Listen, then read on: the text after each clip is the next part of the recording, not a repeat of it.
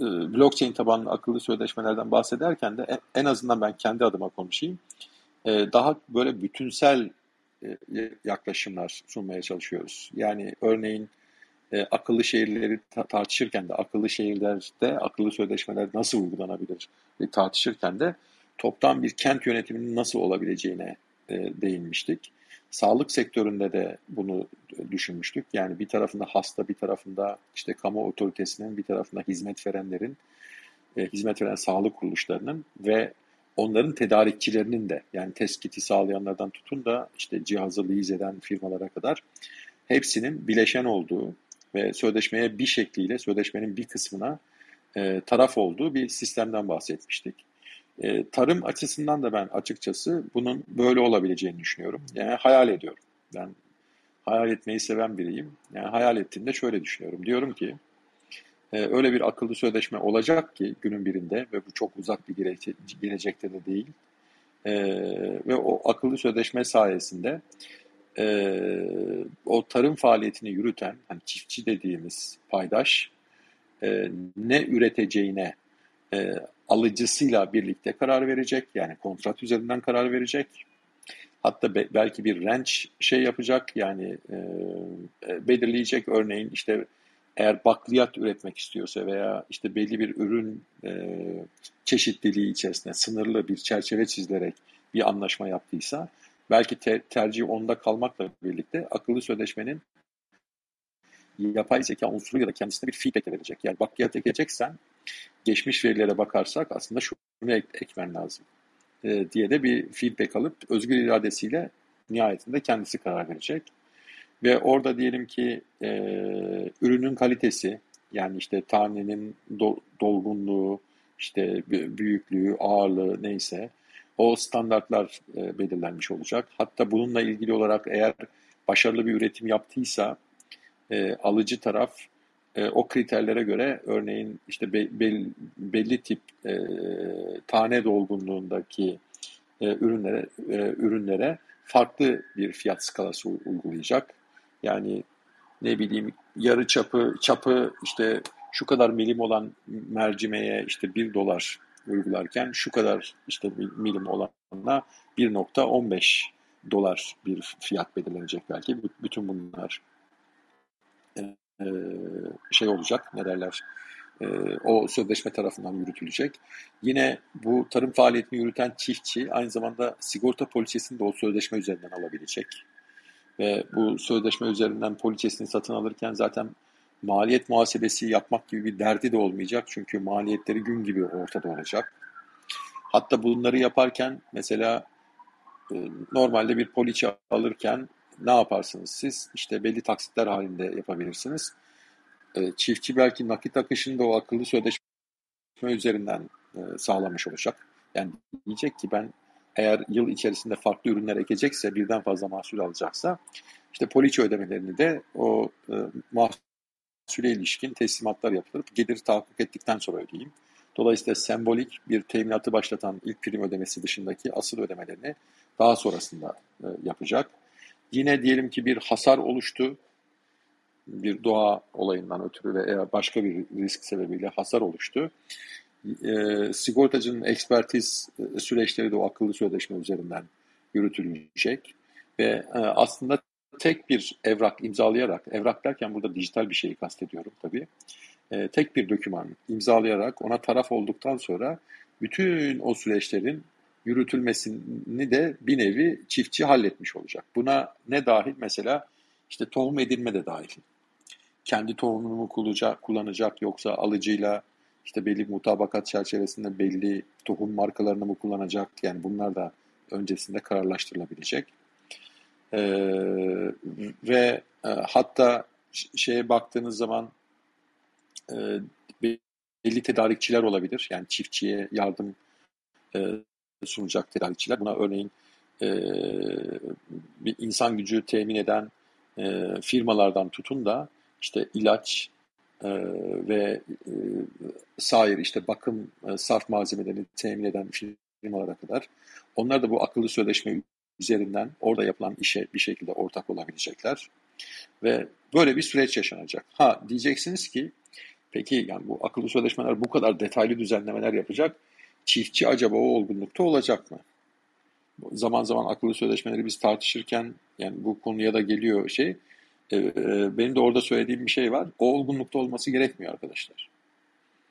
Yani şey gibi düşünün. Bugün itibariyle belli uygulamalar kullanıyorsunuz. Ne bileyim e-ticaret e, yapan firmaların e, akıl akıllı e, telefonlardaki işte uygulamalarını kullanıyorsunuz. Siz işte hangi kodda yazılmış, hangi algoritmayla çalışıyor, şöyle mi oluyor, böyle mi oluyor falan diye bakmıyorsunuz. Nasıl bakıyorsunuz olaya?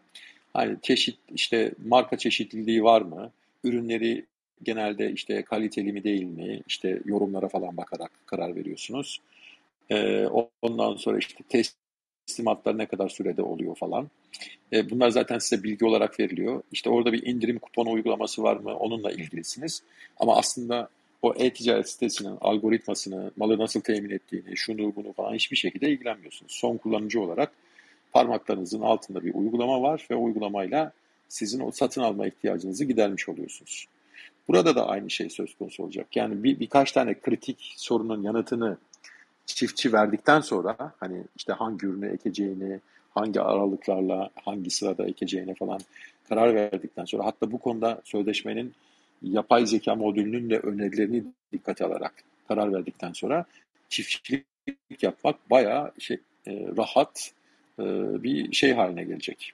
Şimdi diyeceksiniz ki akıllı sözleşmenin işletilmesi için bir altyapı gerekiyor. Nedir? Mesela fiziksel sensörleri bulundurmanız gerekiyor. Belli ekipmanları o sözleşmeyle iletişim kuracak şekilde konfigüre etmeniz gerekiyor. O, o, bu da bir finansman demektir. Yani burada da ben açıkçası alıcı tarafın e, finansman tarafını çözeceğini düşünüyorum. Yani çiftçi bir nevi yer sağlayıcı olacak. Yani kendi tarlasının ve o tarlada işte neyi yetiştireceğine ilişkin bir işte kotası olacak kendisine. Öyle bir hakkı var, mülkiyet hakkı var netice itibariyle. O tarlasını belli tip ürünleri yetiştirmek üzere açtığı noktada, böyle bir sözleşmeye taraf olduğu noktada bütün finansmanın o alıcı taraf üzerinden veya büyük bir kısmının onun üzerinden karşılanması da söz konusu olacak. Biz bunu aslında ne yapıyoruz? Manuel olarak yapılıyor şu anda. Yani işte belli tip ürünlerde işte Akdeniz bölgesinde, İç Anadolu bölgesinde de e, İstanbul'daki, İzmir'deki büyük tüccarlar gidip önden ödeme yapıp yani ciddi indirimler alarak önden ödeme yapıp neyin üretileceğine bir şekilde dolaylı olarak işte karar veriyorlar.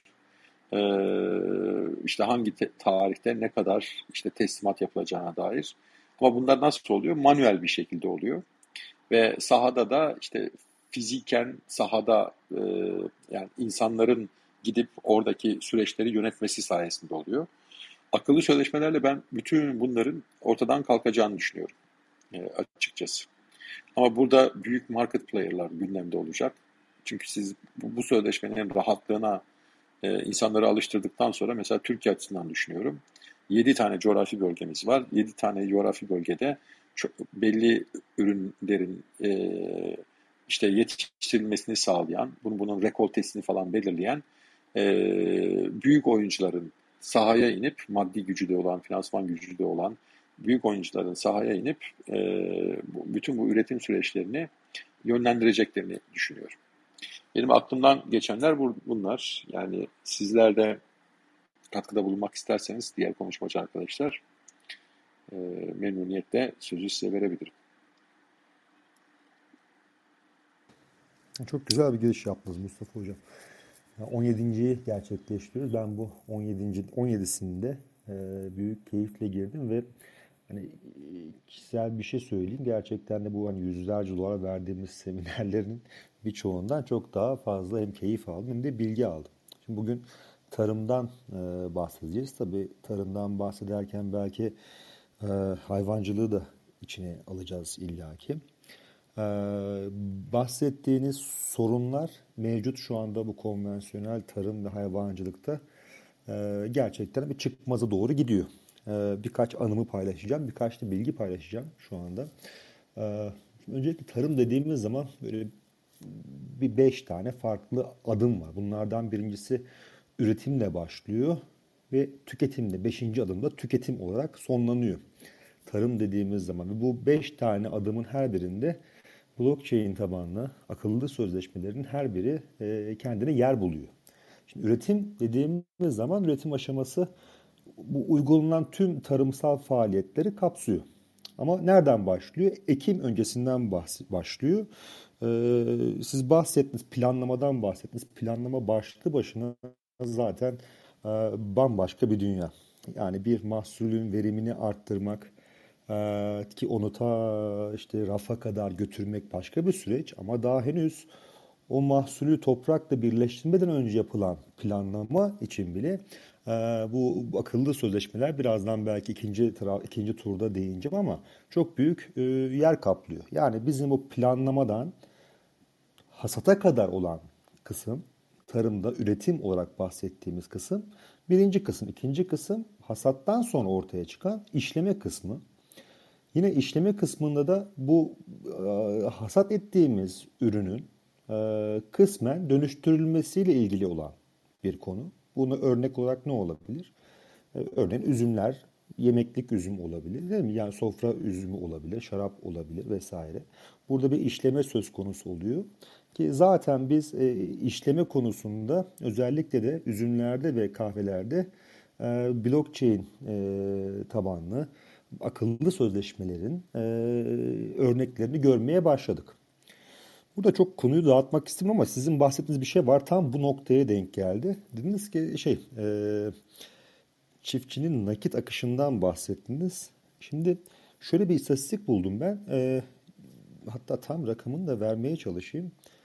Dünya için geçerli olan bir istatistik bu. Der ki dünya nüfusunun %40'ı geçimini tarımdan sağlıyor. Ve %25'inin de banka hesabı yok. Şimdi e, Türkiye için ne durumda bilmiyorum ama Türkiye için e, herhalde kayıtlı rençber e, çiftçi e, oranı 2 milyon 3 milyon civarındaydı. Bu da hani artacağı yere azalmaya başladı son 10 yıldır. E, en azından rakamlar bunu gösteriyor. E, burada hani çiftçinin sayısının azalması, bunların finansal e, olanaklara erişiminin tam olmaması, işte nerede baksanız %20'sinin 30'unun banka hesabının bile olmaması blockchain uygulamalarında bir bizim için e, sıkıntılardan biri oluyor. Şimdi bu ikinci işleme dedik. Üçüncü konuyu çok dağıtmayayım. Dağıtım. Yani ürünü ektik, planladık, ektik, hasat ettik, işledik. Şimdi dağıtıma geldik. E, dağıtımda da e, ne geliyor aklıma? Teslimat geliyor. Yani nereye götüreceksiniz o malı? Bir market de olabilir, bir kooperatif de olabilir, bir toplama alanı da olabilir. Dağıtım yine burada akıllı sözleşmelerde kendine yer buluyor. Hatta böyle bir uygulamada gözüme çarptı. Ee, herhalde hububat üreticisiydi. Ee, kendi o topladığı hububatı e, bir e, kendi işte saklama yerinde tutuyor ne blockchain uygulamasının üzerinden bir sözleşme yapıyor. Diyor ki şu güne kadar alırsanız şu kadar tonu, işte bugüne kadar alırsanız tonu bu kadar alabilirsiniz diye e, bir takım sözleşmeler yapıyor. E, şartlarını koyuyor. Oradan dağıtıma geçiyor ve insanlar o sözleşmeyi kabul edip gidip o, o yerden, o toplama alanından kendileri alabiliyorlar. Hepsi bunların tabii birer veri olarak işleniyor. E, dağıtımdan sonra bizim artık hani tüketici olarak perakendecilik devreye giriyor. Ee, burada da bir an bir tane daha izin verirseniz bir istatistik paylaşacağım. Sayfalar arasında gezerken gördüm bunu da. Ee, şurada e, özür dilerim. Bu üretim yani daha doğrusu planlandıktan sonra hasata gelene kadar olan toplam üretimin %50'si bizim sofralarımıza, daha doğrusu sofralarımıza bırakın e, raflara kadar bile ulaşamıyor. Yani toplam e, ekilen ürünün %50'si raflara kadar ulaşamıyor. Niye ulaşamıyor?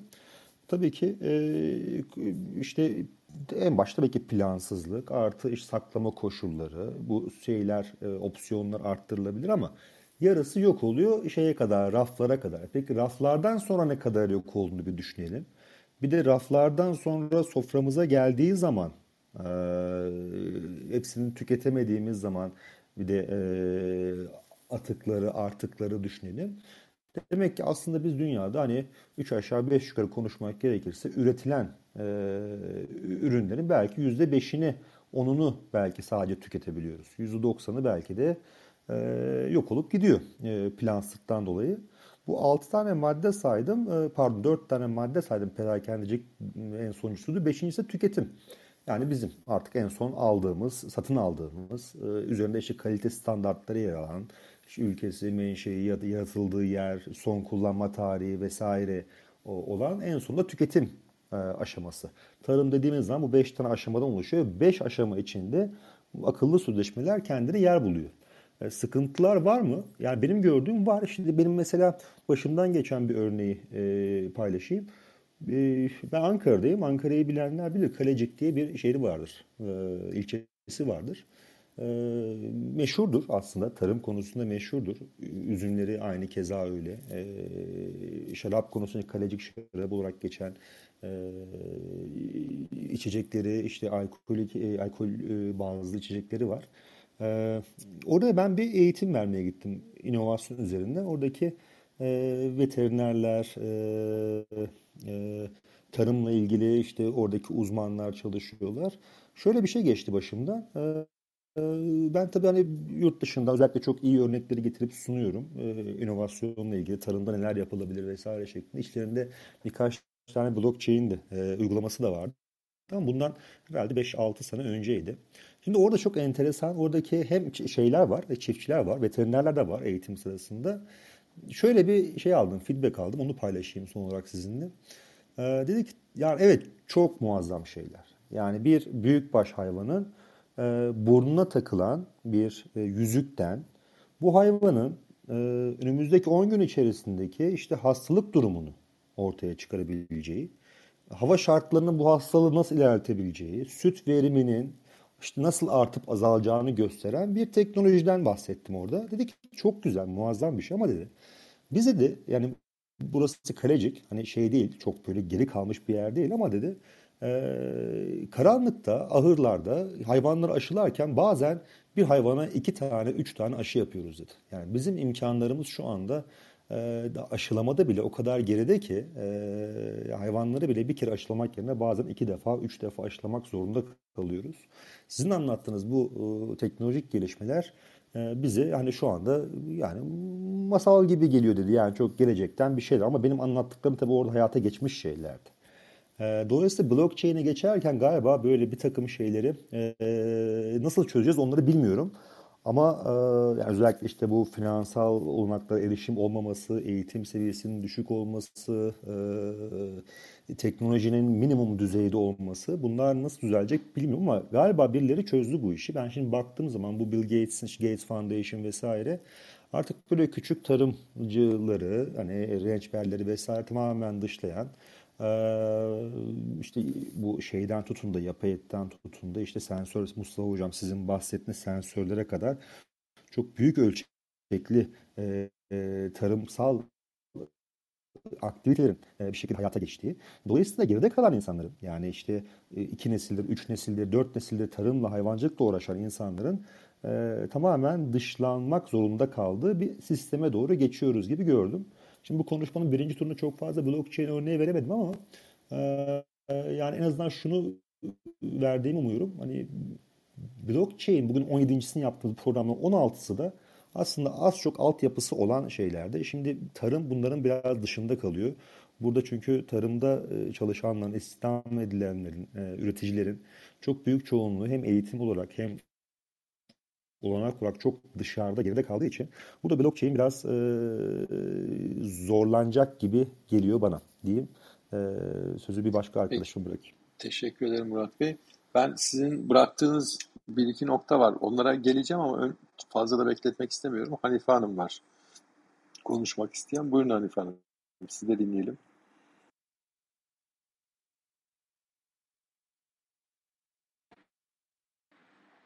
Hanife Hanım duyuyor musunuz veya orada mısınız?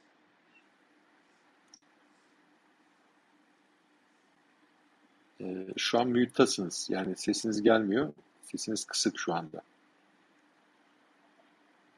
Tamam, muhtemelen meşgul Hanife Hanım müsait değil. Ben sizin değindiğiniz birkaç konu vardı Murat Bey. Ee, oradan o, onlara şey kendi fikrimi söyleyeyim. Ee, şimdi özellikle üretim ve şey tarafından bakarsak, lojistik tarafından bakarsak, lojistikten başlayayım. Ee, blockchain tabanlı akıllı sözleşmelerin lojistik çözümler bakımından yani üstün bir teknoloji olacağını hep konuştuk. Bundan önce de konuştuk. Ee, herkes bilir. Mesela üretim faaliyetiyle ilgilenen e, firmaların şöyle bir mottosu vardır. Derler ki e, yani bir firmanın eğer kamyondaki malları e, depolardaki mallarından çoksa o firmanın şeyi e, üretim zinciri veya tedarik zinciri iyi işliyor demektir.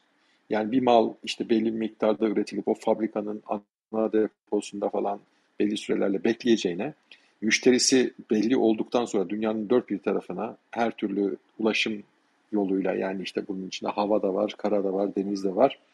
E, ulaştırma planlamasını da yaptıktan sonra e, sattığınız kadarını veya sattığınızın belli olduğu sipariş kadarını daha doğrusu sipariş kadarını üretip ve bunu da depoda çok bekletmeden en kısa sürede e, e, bu dorselere yükleyerek sevkiyata başlamak bir stok maliyetlerini sıfırlayacağı için yani e, düşüreceği için çok istenen bir durumdur ve bu üretim maliyetlerini de son derece azaltan bir şeydir. Çünkü siz stoklu çalışacağınız zaman e, e, işte belli bir süreyle ham madde maliyetine hatta işte peşin ödemek durumunda kaldığınız işçilik maliyetlerine falan hepsine siz katlanırsınız.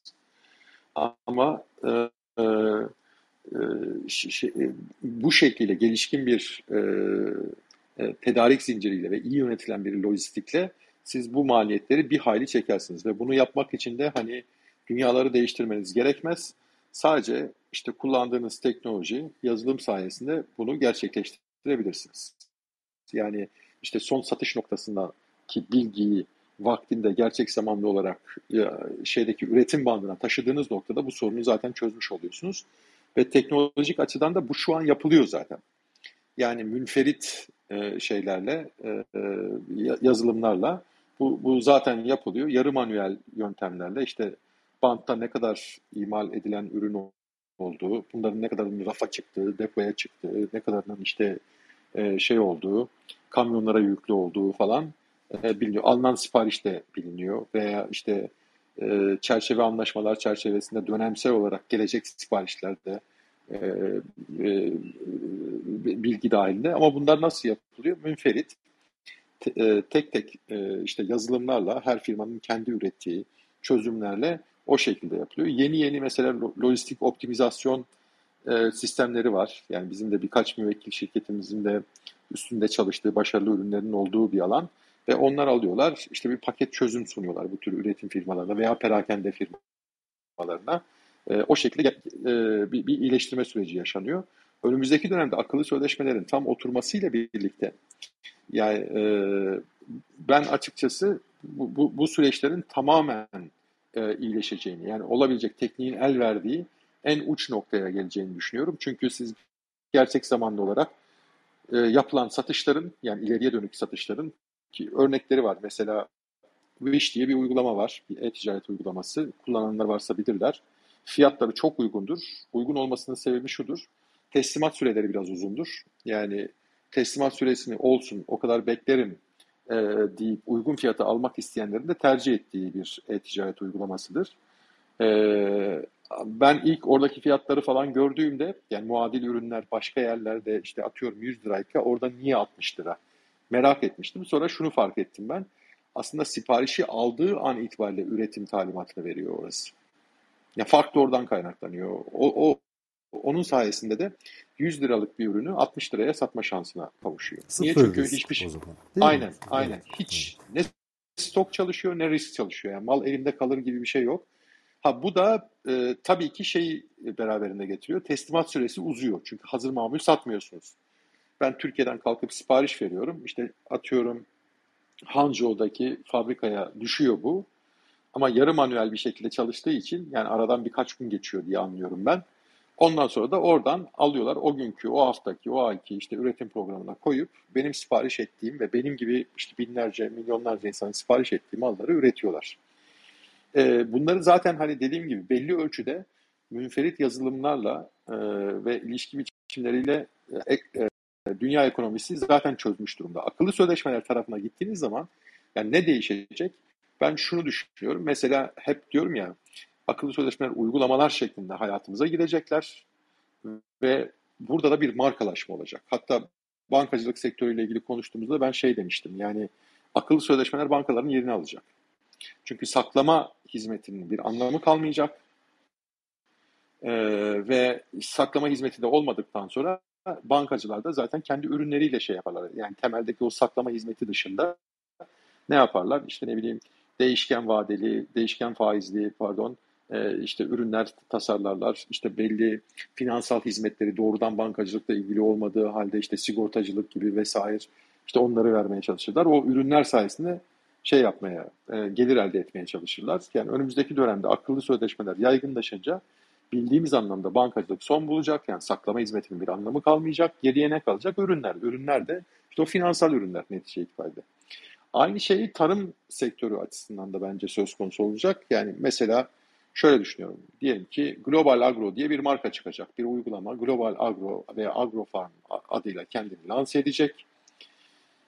Ve arkasında da finansal bir güç olduğu için kendisini ya bir bölgeyle ve belli ürün çeşitliliğiyle veya belli bir tip ürünle mesela Murat Bey örnek verdi. İşte üzüm dedi ama üzüm sonra ne oluyor? Bir kısmı şarap da oluyor sofralık üzüm dışında. Ya bölgeyle ya da ürünle sınırlayan ve iddialarını ortaya koyan akıllı sözleşme markaları ortaya çıkacak ve bunlar global ölçekte e, şey yapacaklar. Yani şöyle bir örnek vereyim. Mesela diyelim ki üzüm üretimi ve e, ticareti e, üzerine yoğunlaşan bir firma şuna bakacak. Diyecek ki dünyanın en iyi üzümleri nerelerde yerleşiyor, yetişiyor. İşte Güney Amerika'da şuralarda, Kuzey Amerika'da buralarda, Avrupa'da buralarda, işte Ön Asya'da şuralarda falan. İşte ülke bazında baktığınızda Türkiye'de işte şu şu havzalarda falan. Ve e, gidecek oradaki üreticilere teklifte bulunup o sözleşmeye taraf olmalarını isteyecek. Ve orada planladığı rekolteyi de ne kadarını sofralık üzüm olarak, ne kadarını işte şaraplık üzüm olarak, ne kadarını ilaç endüstrisine, ne kadarını işte kozmetik endüstrisine e, falan ayıracağını da kendisi karar verecek zaten. Şimdi burada tabii akıllı sözleşmelerin e, bu alanda yaygınlaşması ve oturması için de belli bir altyapı gerekiyor. Yani altyapı derken işte sensör teknolojisinin e, e, daha da ilerlemesi ve işte yaygınlaşması söz konusu. Yalnız bunu söylerken de hani diyelim ki 10 dönümlük bir arazide bağcılık yapacaksınız. Oraya kalkıp milyon dolarlık yatırım yapmanız gerekmiyor. Yani analog sistemler geçmişte çok pahalıydı. Ee, ama dijital sistemler son derece uygun. Mesela örnek vereyim. İşte alarm sistemleri ilk Türkiye'de çıktığı zaman e, bunlar çok büyük rakamlarla böyle bin, bir, birkaç bin dolarla şey yapılırdı. Şimdi gidip bakın yani 100 doların altında da çok sayıda sistem bulursunuz. Çünkü yaygınlaştı, bu yarı iletken teknolojisi gelişti, üretim maliyetleri düştü, rekabet var. Dolayısıyla bir yandan da ürünler ucuzluyor netice itibariyle. O yüzden de örneğin 10 dönümlük bir bağ alanını düşündüğünüzde o arazinin hakim birkaç tane noktasına birkaç tane sensör yani bunlar işte optik okuyucu olabilir, infrared olabilir şey yerleştirdiğinizde aslında işte bitkilerin boyunu, işte salkımların büyüklüklerini, işte ne kadar ürün tuttuğunu, hatta ürünün işte kız olgunlaşıp olgunlaşmadığını ölçmeniz gayet normal. Ve oradaki maliyet de çok büyük değil. Yani bu akıllı sözleşmeyi çiftçiye teklif edecek olan e, girişimci şunu da gönderecek. Sen şey olduktan sonra yani sözleşmeye taraf olduktan sonra sana şöyle bir kit göndereceğim ve şu manuele göre veya benim servis elemanlarım gelecekler. Senin arazinin uygun noktalarına o sensörleri yerleştirecekler. Bitti. Ve çok büyük bir şey de değil bu. Nasıl söyleyeyim size? Çok büyük bir maliyet de değil. Hani eski teknolojiyle olsa belki binlerce, on binlerce dolar e, bir, bir yatırım yapmayı gerektiriyordu. Belki birkaç yüz dolarlık bir yatırımla e, o ölçek ekonomisinde verdiği avantaj da tabii. Çünkü o, o girişimci firma Çin'deki veya İspanya'daki, şuradaki, buradaki e, veya Türkiye'deki e, o sensör imalatçısına zaten toplu sipariş verecek e, netice itibariyle. Ve dolayısıyla üretim sürecini tamamen sensörlerle denetlemeniz mümkün hale gelecek. Lojistik süreçlerine geldiğimiz zaman yani bugün diyelim ki kullandığımız teknoloji itibariyle işte kamyon dorselerini kullanıyoruz. o dorselere yüklenecek olan kasaların zaten bir ne bileyim üzüm imalatı açısından belli bir kasa tipi vardır. Elma için ayrıdır, domates için ayrıdır. Hatta dökme domates söz konusu olduğunda zaten kasaya da konmaz. Direkt işte dorseye yüklenir şeyler. Onlara sadece ve sadece siz birer sene dorseye bir sensör kasaların her birisine de işte belli bir çip koyduktan sonra siz lojistik sürecinde aslında şey yapmış oluyorsunuz. Ee, bir nevi etiketlemiş oluyorsunuz. Ve dediğim gibi bunlar yine böyle çok maliyetli bir şey değil. Atıyorum yani bir plastik kasanın şeyi ederi e, maliyeti işte bir buçuk dolarsa e, siz o büyük ölçekli üretim sürecinde bir yarım dolar daha üstüne koyarak bunu yapabilirsiniz. Ha ama bütün bu yarım dolarları, bir dolarları, bu büyük miktardaki işte yatırımları bizim çiftçi, hatta Murat Bey'in verdiği örnek ilginçti e, rençber veya çiftçi dediğimiz e, topluluğun Türkiye'de %25'inin banka hesabı bile yokmuş. Bu da enteresan bir nokta. A, ama bir süre sonra insanlar e, şeydeki yani bir telefonun tuşuna bağlı parmakların altındaki bir uygulamayı nasıl şimdi bütün çiftçilerimiz cep telefonu kullanıyor. Hani zannetmiyorum ki yani işte cep telefonu olmayan bir köylü bilmiyorum. Ben, ben en azından bilmiyorum. Hala bir miktar varsa da bilmiyorum. Ama netice itibariyle o uygulama üzerinden sisteme girdiği zaman kendisi için son derece rahat olacak. Yani teknolojik bir tercih yapmak zorunda kalmayacak. Girişimci zaten ona o akıllı sözleşme uygulamasının arkasındaki girişimci zaten ona bütün sistemi sunacak. Senin bir şey yapmana gerek yok. Sen sadece şu arazini işte şu ürüne ve yılın belli bir dönemlerinde şu ürünü yetiştirmen karşılığında şu fiyat senin için nedir? Çiftçi için de çok büyük know-how gerektirmiyor. Kendisi bu sözleşmeye taraf olmadan diyelim kilosuna işte 2 lira sattıysa ve bu sözleşme kendisine 2,5 lirayla işte 2,8 lira arasında bir fiyat öneriyorsa e, hay hay deyip bu sisteme üye olacaktır. Yani çok da böyle sistemin nasıl işlediğini falan bilmesine gerek yok. Hazır bir çözüm sunacak zaten kendisine. Siz bir şey diyeceksiniz Murat Bey herhalde. Hocam ben bir küçük bekleme yapacağım. Buradaki yani dediniz ya e, sonuçta atla deve değil. Bunlar artık eskisi kadar büyük maliyetler de değil dediniz. Bu biraz şeyle verimle ilgili. Verim artıyor çünkü. Üretim şekilleri değişiyor. Verim artıyor. Dolayısıyla da şuraya geliyor. Bizim o konvansiyonel tarım ben çok hani son belki 3-5 yıldır bunu söylüyorum ama tamamen bitti. Yani bugün e, siz de işin içerisindesiniz. Bu sensörler, e, tarımla ilgili üretim teknolojileri, e, hasat teknolojileri bunlara baktığınız zaman bunların hiçbiri anneden babadan rençberlik öğrenen insanlar değiller. Bakıyorsunuz İstanbul piyasasına, İzmir, Ankara piyasasına. Hepsi bunların Amerika'da, Avrupa'da eğitimini almış. Ee, böyle klasik tarım eğitiminden de bahsetmiyorum. Hani gerçekten de sensör, dijital teknolojiler, e, şeyler, paylaşımlar, paylaşım ekonomisi dahil olmak üzere bunların eğitimini almış ve buraya geliyor diyor ki e, hatta bir tane tane böyle görüşmede ben de dahil oldum. O işte 20 dönüm 25 dönümlük e, arazi e, tarla sahibine e, gitti konuştu. Benim böyle bir projem var dedi. E, anlattı yani dedi ki şu kadar üretiyorsun şimdi bu kadar üreteceksin. Şu kadarını ben şimdiden senden alacağım. Sen de şu kadarını benden zaten şimdiden parasını vereceğim. Yani aslında böyle hani gözü kapalı bir şekilde imza edici bildirebileceğiniz bir şey önerdi. Renç, e, çiftçi dedi ki şey olacak belki biraz bir ironik olacak ama dedi ki ben bu yaz dedi oğlanın düğünü yapacağım dedi. Bana sadece o para yeter dedi. Sizinki bana biraz riskli geldi dedi. Benim şu andaki amacım oğlanın düğünü yapmak dedi. Dolayısıyla ben bunlara katılmayacağım yani girmeyeceğim dedi. Şimdi bu yeni bir kapı açtı tabii. Neyi açtı? Yani bizim e, klasik konvansiyonel üretim üretici yani çiftçiyi e, bir yerde artık e, yok sayıyoruz. Neden? İşte örneğin deniyor ki sen artık buraya dikme, senin biz arazini, sağlığını kiralayalım. Nasıl kiralayalım? İşte ben atıyorum işte kivi buraya yükleyeceğim. Ondan sonra ananas işte şey yapacağım.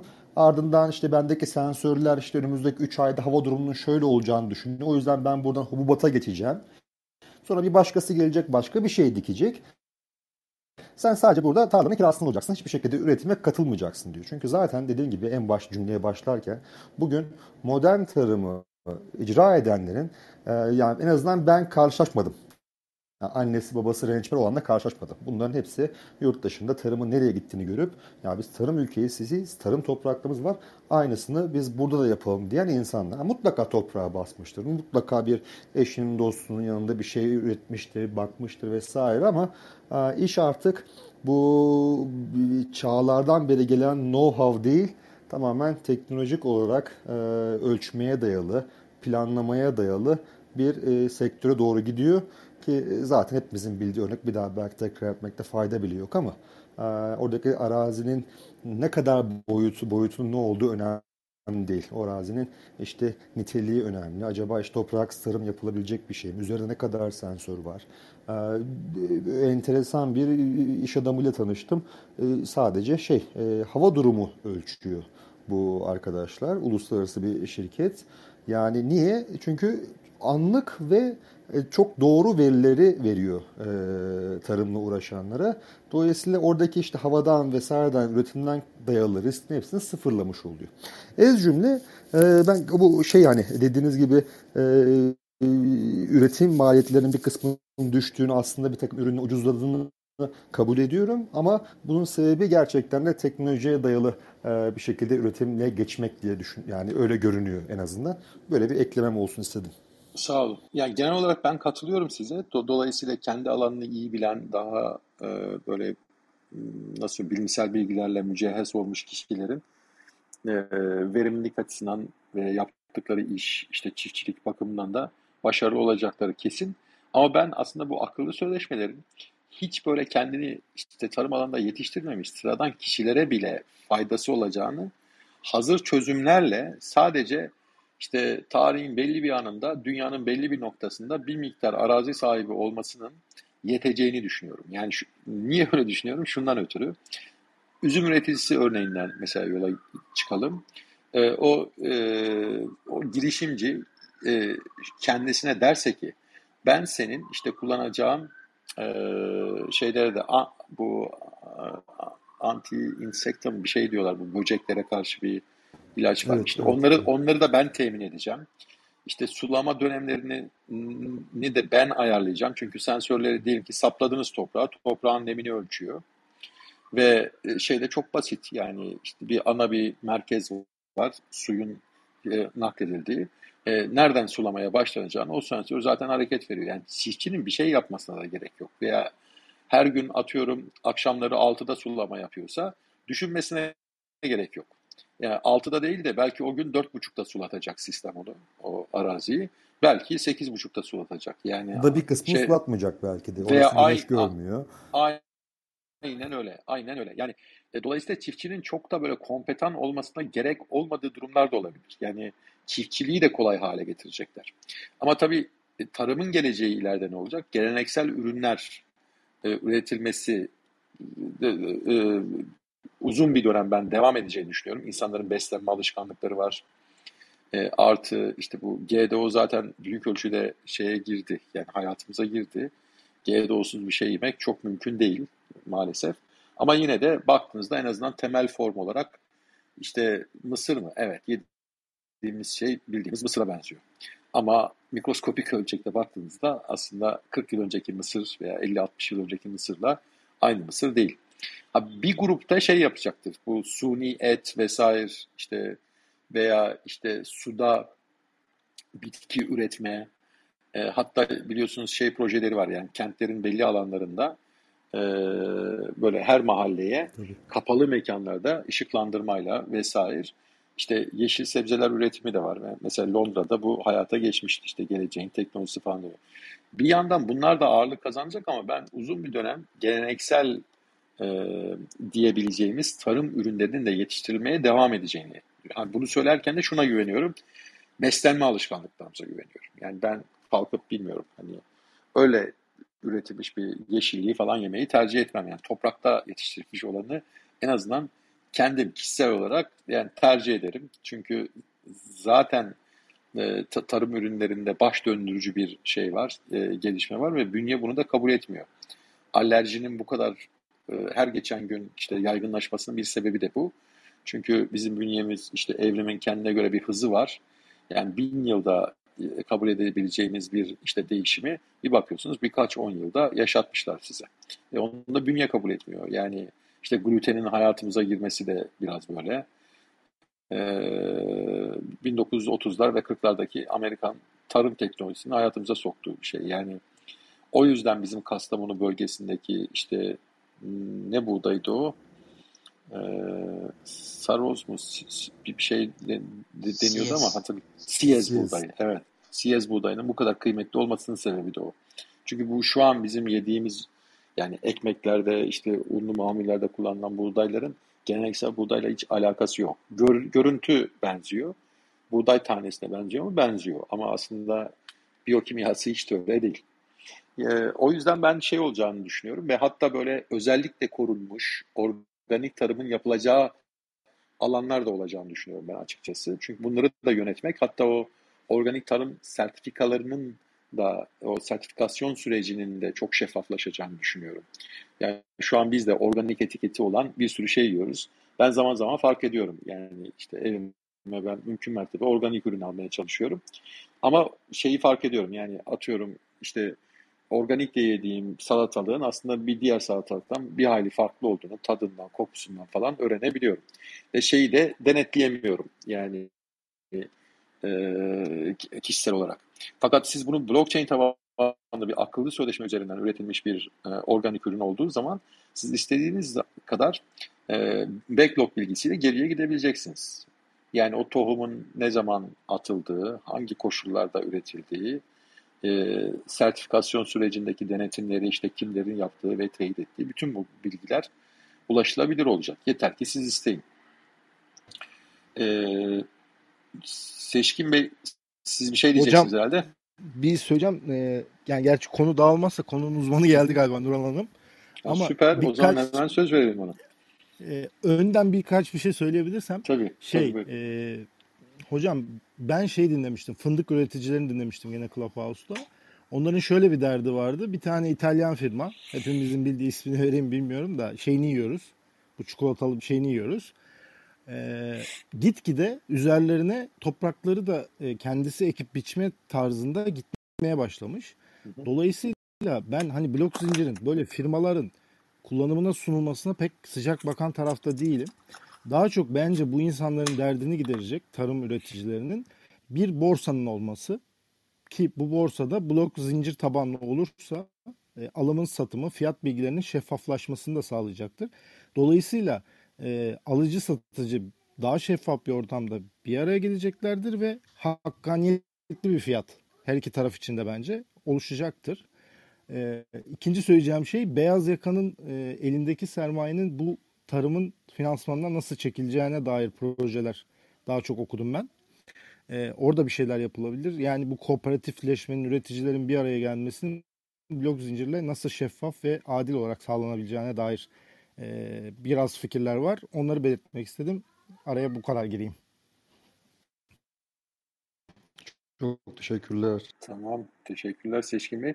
Nurhan Hanım buyurun. Merakla bekliyoruz. Konunun uzmanı dedi Seçkin Bey ama kendinizi de tanıtırsanız herkese iyi akşamlar. Ee, konunun uzmanı şöyle diyeyim, tarım alanında belki evet ziraat mühendisiyim. O sebeple konuya biraz hakimim ama hukuk anlamında e, akıllı sözleşmeler konusunu ilk kez duyuyorum. O yüzden merakımı merak edip geldim işin gerçeği.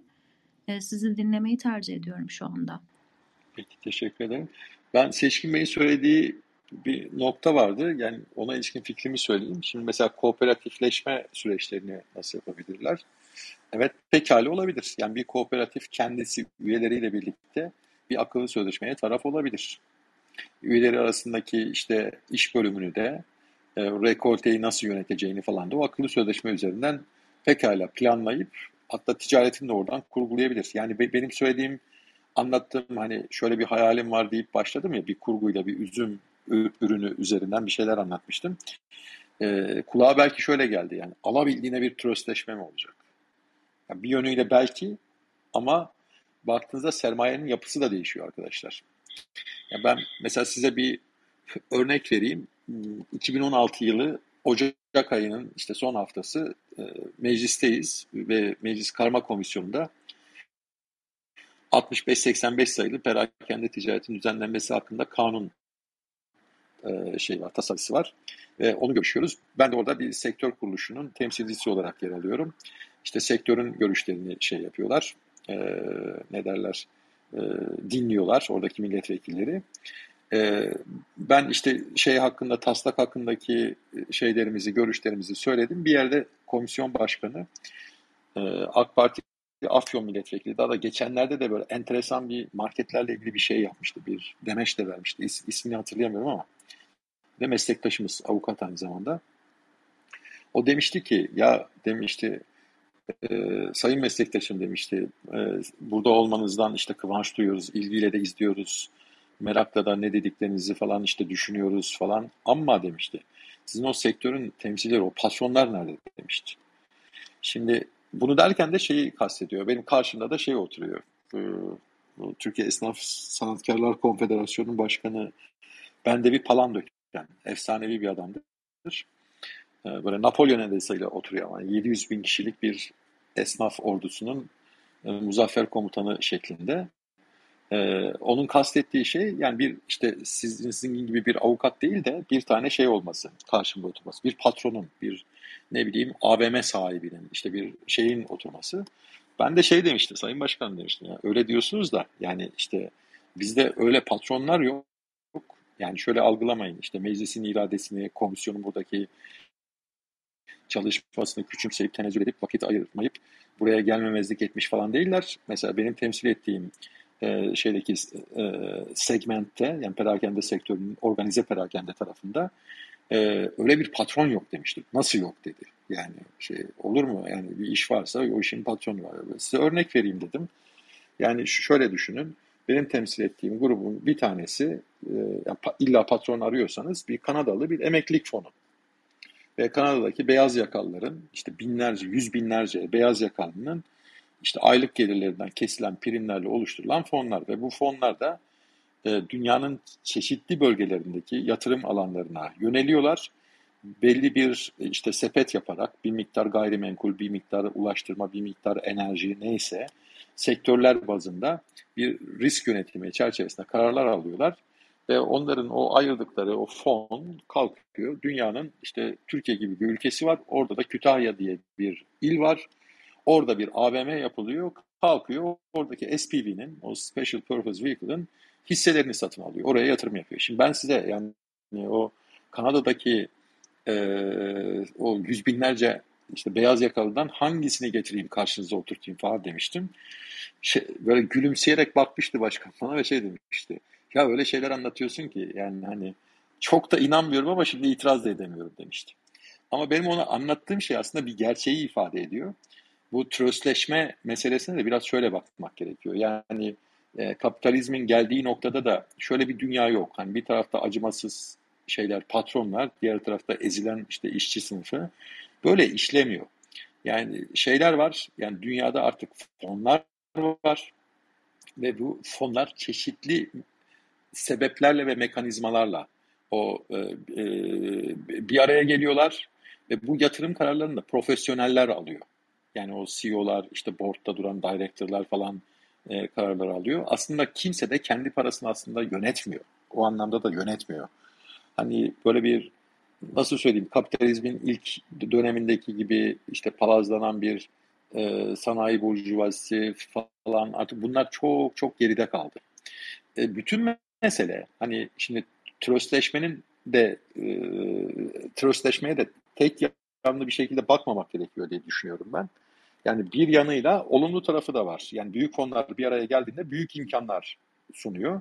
Ha diğer taraftan da tekelcilik riski de içeriyor. Siz bunu pekala şey yapabilirsiniz. Yani e, uluslararası ölçekte de, ulusal ölçekte de işte re- regülasyonlar yaparak, yasal birincil ve ikincil mevzuatlar bunu kontrol edebilirsiniz. Zaten kişisel verilerin korunmasından tutun da işte rekabete ilişkin düzenlemeler e, falan da zaten bunlar için var. Yani o yüzden ben e, gelişmenin bu yönde olmasından korkmamak lazım. Ha şu vurguyu da yapıyorum hep diyorum ki dijital teknolojilerin vardığı şey yani aşama işte akıllı sözleşmeler gibi kendi kendine işte işleyen sistemlerin ortaya çıkması evet bir, bir, bir Big Brother riski de içermiyor mu? İçeriyor. Mesela Çin örneğinde defaatle bu oturumlarda hep tartıştık. Orada bu teknolojiler totaliter bir rejime hizmet edecek ve öyle bir ekonomik modele hizmet edecek şekilde kullanılıyor. Ama bu hep böyle kullanılmak durumunda diye bir şey değil, e, kullanılacak demek de değil. Yani e, ekonomi politik dediğimiz şeyin bir kültürel tarafı da var. İnsanların işte bir demokrasi, bir e, de, demokrasi kaygısı varsa, bir özgürlük e, gibi bir değeri varsa, e, bunları e, e, korumak için de işte sivil toplum şeklinde örgütlenebiliyorsa, politikacılar üzerinde baskı unsuru olabiliyorsa, toplumların gelişkinlik düzeni de e, böyle bir şey zaten. Yani mesela şey tartışılıyor, kripto varlıkların yasak olması veya serbest kalması. Bakıyorsunuz bazı ülkeler yasaklıyor, bazıları e, işte özendiriyor hatta e, ve, ve o yasaklama ve özendirmenin bir, bir altına baktığınızda şunu görüyorsunuz. Yani toplumun kendi eğilimini, kültürel e, değerlerini artı ihtiyaçlarının yol verdiğini görüyorsunuz. Mesela kötü örnekler de var. Bazı Güney Amerikalı firmalar Amerikan yaptırımlarından kaçmak için bunu şey yapıyorlar. Yani hani Amerikan, Amerikan yaptırımları meşrudur anlamda söylemiyorum da e, kastettiğim şey şu. Yani sonuçta mevzu bir hukuk var e, ve siz oradan işte, bir şekilde şey yapıyorsunuz. Yani sıyırmaya çalışıyorsunuz. O sebeple işte kripto varlıkları serbest kılıyorsunuz veya hatta devletin de e, katılmasını falan sağlıyorsunuz. Farklı bir motivasyonla hareket ediyor. Yani oradaki Güney Amerikalı birkaç tane ülke. E, ama sonuçta herkesin bir tercihi var. Yani özetle çok dağıtmadan şu, şu, şu kadarını söylemek istiyorum. E, böyle bir tröstleşmenin de illa hani tröst denince aklımıza hemen tekelleşme geliyor, şey geliyor. Hayır, tek yanlı bakmamak lazım. Yani siz bir bıçağı şey için de kullanabilirsiniz, ekmek doğramak için de kullanabilirsiniz, birini öldürmek için de kullanabilirsiniz. Yani nasıl kullandığınızla ilgili bir şey. O yüzden akıllı sözleşmeleri de bir araç olarak ve blockchain tabanlı akıllı sözleşmeler hani bir platform olarak pekala işte kooperatifleşmenin özendirilmesi, daha etkin yürümesi için de kullanılabilir. Ee, e, şeyde de kullanılabilir. Tüketicinin korunması noktasında da kullanılabilir. Çünkü sağlanan şeffaflıkla aslında siz fiyat hareketlerinde görebileceksiniz. Yani bilemiyoruz gerçek midir, şehir efsanesi midir? Hep şunu söylerler yani işte Antalya'daki, Kumluca'daki işte 1 liralık domates markette nasıl 10 lira olur falan. Aracılar suçlanır ya. Yani biraz benim açıkçası çok emin değilim. Hani tamam bir kısmı aracılıkla yüklenebilir belki ama bence başka şeylerde e, incelenmek durumda o noktada. Daha yakından bakmak gerekiyor. Ama blockchain tabanlı akıllı sözleşmeleri kullandığınız zaman bu şehir efsanesi şeyleri de artık son bulacak gibi geliyor bana. Çünkü orada şeffaf bir şekilde olacak. Kimin ne aldığı, ne verdiği, oradaki tedarikçinde rolü, kazandığı, aldığı her şey gıda bir ortada olacak. Değil yani. de Mustafa Bey yani bu gıda güvenliği Aynen. aslında Aynen. yapacak. Yani tahşiş dediğimiz bizim hani özellikle zirai pazarlamada yani bugün Mesela şöyle bir örnek vereyim. Ekim ayındayız değil mi? Yani bugün herhangi bir pazara markete gittiğimiz zaman ne kadar çok domates görüyoruz. Yani elveda Ayaş domatesi, hoş geldin Bursa domatesi, bilmem ne domates. Ekim ayında en az böyle 5-6 çeşit domates ortaya çıkıyor mesela. Şimdi mesela bu şey içinde geçerli bu arada. E, atıyorum işte mandalina içinde geçerli. E, ama mesela alıyorsunuz 2 kilo. Yani çok belli. Yani aynı topraktan çıkmadığı çok belli o domatesin veya e, şeyin. Yani bu arada şeyden bahsediyorum. Yani yani örnek olarak Ayaş domatesi alıyorsunuz. E, işte 3 kilo aldınız ama yani %10, %20 belli. Yani şeklinden belli, kokusundan belli. O Ayaş domatesi değil. Ya da en azından diğerleri Ayaşsa bu Ayaş değil. İşte tahşiş dediğimiz biz hani o topraktan çıkıp sizin önünüze gelene kadar herkes işte o, o kilosu 10 liralık domatesi alıp yerine 3 liralık 4 liralık domatesi koyduğu zaman işte %10'u %20'si de belki böyle gidiyor. O yüzden o gıda güvenilirliği konusunda büyük bir takım e, değişiklikler söz konusu olabilir. Buna şey, trace, e, izlenebilirlik diyorlar ama bu izlenebilirlik biraz daha şeyde. Daha böyle yani Ezra'ya pazarlamada daha böyle niş ürünler işte atıyorum kahve gibi.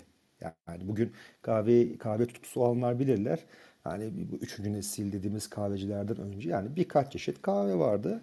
Hani birinci nesil işte Nescafe şu bu falan filan işte Amerika'daki yollarda içilen kahve. İşte ikinci nesil Starbucks. Üçüncü nesil şimdi baktığımız zaman işte Etiyopya'dan tutun bilmem nereye kadar e, kahve çekirdeklerini e, sunuluyor. Hani işin pazarlama yönünde gerçekten de bu gıda e, izlenebilirliği çok farklı fırsatlar sunabiliyor.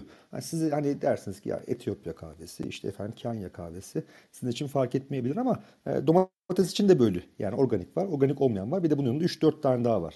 Dolayısıyla bu hani gıdanın izlenebilirliği, özellikle bu İtalyanlar çok bu konuda şeyde üzümlerde çok yapıyorlar.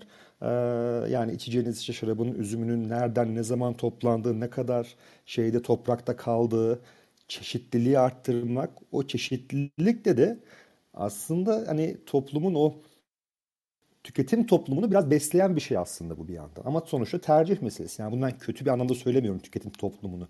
Siz dersiniz ki benim içeceğim e, işte Dom Perignon şöyle olsun ya da işte e, Pinot Noir böyle olsun diyorsanız illaki 25 gün sonra toplansın ilk hasattan diyorsanız onun için de size bir fırsat sunuluyor. Öyle istiyorsanız bakın burada da var deniyor. İşte bu da sertifikasyonu bakın işte coğrafi işareti ya da işte markası ya da işte üzümün kaç gün kaldığı, ne kadar nerede beklediği hepsi blockchain üzerinde değiştirilemez şekilde konulabiliyor. Böyle bir örnek vermek istedim. Bu arada Huzur Hanım sanırım bir şeyler söyleyecekti ama Huzur Merhaba. Merhaba, iyi akşamlar herkese.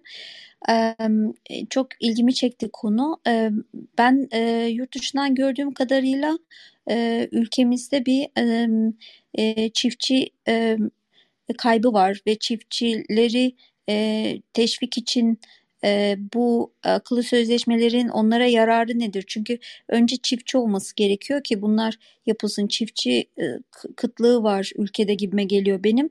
E, önce insanları bir çiftçiliği sevdirmek ve çiftçiliğe geri döndürmek lazım. E, bu e, mesela ne teşvik olabilir çiftçilere? E, bu akıllı sözleşme olursa sizin şu şöyle şöyle kazanımlarınız olur diyebileceğimiz nokta ne çiftçilere? Ben yanıtlayabilir miyim arkadaşlar? Şey, şimdi e, en basitinden şu olur. Şöyle bir katkısı olur diye. Şimdi ben yıllardır işte avukatlık yapan biriyim. İstanbul gibi metropolde çalışıyorum. Aslında gönlüm böyle işte doğa içinde yaşamak, kafa dinlemek falan. Ama cesaret edemem. Yani ben şu saatten sonra mesela çiftçilik yapamam. Yani şey için yapamam. Yani en azından bir 3 yıl, 5 yıl falan geçmesi gerekir. Benim o toprağa alışmam, nasıl ekeceğimi, nasıl biçeceğimi, e, nelere dikkat etmem gerektiğini, işte hangi ürünü seçeceğimi falan cesaret edemem. Ama demin bilmiyorum siz oturuma hangi andan itibaren katıldınız ama e, birkaç örnek vermiştik. Hatta kurgu da sunmuştuk. E, bir akıllı sözleşme, arkasındaki girişimcinin finansal ve işte know-how desteğini de alarak bana ya sen git işte Kastamonu'nun Ilgaz'ında 10 dönümlük bir arsa al, alırsan sen de şöyle bir iş yapacağım dediği zaman ben valla hiç korkmadan giderim. Çünkü şunu bilirim yani ne ekeceğimi bana söyleyecek. Ne, ne yapacağım diye. Aynen öyle. Yani hangi tarihte alacağını, hangi fiyattan alacağını e, ve e, bana bütün işte know-how desteğini de sunacak e, işte belli zira ilaçları, işte gübreleri vesaire falan işte bana sağlayacak. Kurduğu sistemde zaten eğer sulama gerektiren bir şeyse vaktinde sulayacak. Seracılık işte yapacaksam seranın işte ısısını bilmem neyi falan hepsini zaten o know-how, devasa know-how'la kendisi halledecek. Ben korkmadan girerim. Bu şuna benzer yani bir konut aldığınız zaman da markalı bir işte e, siteden korkmadan alırsınız. Niye dersiniz ki arkasında şu marka var, şu firma var. Ya çok da anlamıyorum yani ben sonuçta inşaat mühendisi değilim, mimar da değilim. Ama şu firmanın yaptığı işte konutlar güzel, herkes de çok memnun gidersiniz. İş biraz ona dönecek. Yani dolayısıyla hani Huzur Hanım'ın sorusunun na bir yönüyle yanıt verecek olursam bir kere çiftçilik yapmayı kolay kılacak gibi geliyor bana. Murat Bey siz çok, bir şey diyeceksiniz. Çok güzel bu. Çok Hı. ümit verici. Mustafa Bey o zaman siz de 3 ya da 5 yıl sonra aynı şeyi yapıyorsunuz demektir. Valla inş, inşallah. Şey, inşallah Adem Bey, burada olmayan Tarık Bey, Özgür Bey'e duyurulur. Ben ben, ben 3 Bey yıl sonra yokum. Hocam bir şey söyleyeyim de yani fındığın fiyatını benim çiftçim değil de bir başka merci karar vermesi benim kanıma dokunuyor ve bu işi çözemezsek biz kimse de köyüne gidip tarım yapmaz. Gençler de gitmez gibi geliyor. Yok yok. yok. Ferroli, Gider. Ferroli'den bahsediyorsunuz değil mi? Evet. Aynen aynen aynen. Aynen. Ama bakın bakın e, o işin artık tabiatı onu bir şekilde bizim kabul etmemiz lazım. Yani şöyle söyleyeyim. E, kapitalizmin ortasında yaşıyoruz ve hala kapitalizmi kabul etmiyoruz. Yani bu arada benim de kapitalist olduğum böyle liberal ekonomiye falan inanan biri de değilim. Hani bu, bu cümlemden yanlış bir sonuç da çıkmasın lütfen. Ben sa- sadece artık bunu kabul etmek ve yaşanabilir bir kapitalist sistem öngörmemiz gerekiyor. Bunu tersinden mesela Çin yapıyor. Çin adına bakıyorsunuz Komünist Parti var. E, Komünist Manifesto'yu biliyoruz. E, işte, e, şeydeki işte sosyalist ütopyayı biliyoruz falan ama Çin kalkmış. Yani baya baya bir kapitalizm yapıyor ama komünizm adı altında yapıyor. Sadece belli tercihleri itibariyle sözde tırnak içinde işte komünist idealler güdüp topluma bir düzen vermeye çalışıyor. Böyle de yapabilirsiniz ama ne bileyim hani benim biraz daha şey e, olumlu bulduğum işte e, İskandinav modellerine de bakabilirsiniz. Hani genelde işte oradaki kentler, o topl- toplumların işte ne bileyim refah düzeyi falan itibariyle baktığınızda kapitalizmi daha yaşanır hale getirmişler. Yani daha sosyal politikalar var. E bizim ülkemize baktığınızda uygulanıyor mu uygulanmıyor mu bilmiyorum ama en azından lafzı var. Sosyal hukuk devleti kavram var bizim anayasamızda. Yani bu kısacası bizim elimizde. Hani şöyle Seçkin Bey öyle dedi diye söylemiyorum. Ee, şöyle bakılırsa yanlış olur. Ya akıllı sözleşmeler bu kadar merkezileşme sağlayacaksa eğer bu korkulur buradan. Hani bir Big Brother çıkar buradan deyip ondan kaçmak doğru değil. Yani gidişat o yönde. Bu tıpkı şeyde de söyledik ya kripto varlıklardan istediğiniz kadar işte uzak durmaya çalışın. Bir süre sonra et, etrafınızı şey yapacak. Hatta ben hatırlıyorum bir oturumda örnek vermiştim. Benim işte hekim olan bir kardeşim var. O yıllarca kredi kartına direndi. Yıllarca işte akıllı telefon kullanmadı. Ama şimdi kredi kartı da var, akıllı telefon da var. Yani Murat Bey'in söylediği şey işte o konfora teslim olma olayı var ya. Evet. Hepimiz oraya gidiyoruz. Işığa doğru gidiyoruz. Yani Ya konforun Evet. yapacak bir şey yok. Hocam iPhone'a teslim oldum 15 yıl sonra. hocam Yani- ben üçü, üçüncü yolu arıyorum. İzim, izimsiz bir üçüncü yol arıyorum ben. Evet ben de. Seçkin Bey katılıyorum. Ben e, gö- gö- gönülden sizin yanınızdayım ama size kötü bir haberim var. Yani hiçbir zaman üçüncü yolcular başarılı olamadılar. Hangi konuda derseniz değil. İnsan de- olsak yetmez mi izimsiz bir insan?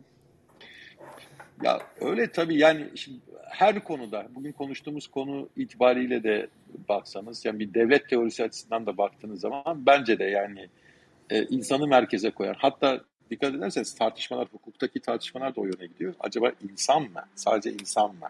İşte hayvan hakları, çevrenin korunması vesaire kavramları da var ama en azından yani e, insanı e, merkeze koyup politikalara öyle karar vermek ve insanların artık bir sivil toplum halinde hareket etmesini sağlamak. Yani hatırlarsanız akıllı şehirleri konuşurken şey demiştik. Sağlayacağı e, şeffaflaşma sayesinde belki şunu duyacağız. Yani bütün o e, kentteki işte toplumsal hizmetler, top, toplu ulaşımdan tutun, te- temizlik, güvenlik vesaire hizmetler e, akıllı sözleşmelerle görüldükten ve bunun girişimci tarafı yani sürecin sahibi işte bir belediye olduğunda belediye başkanı seçimlerde diyecek ki e, ey filan kentin halkı, ey, ey hemşehrilerim ben geçtiğimiz dönem işte 7.2 skor almıştım onun üzerinden.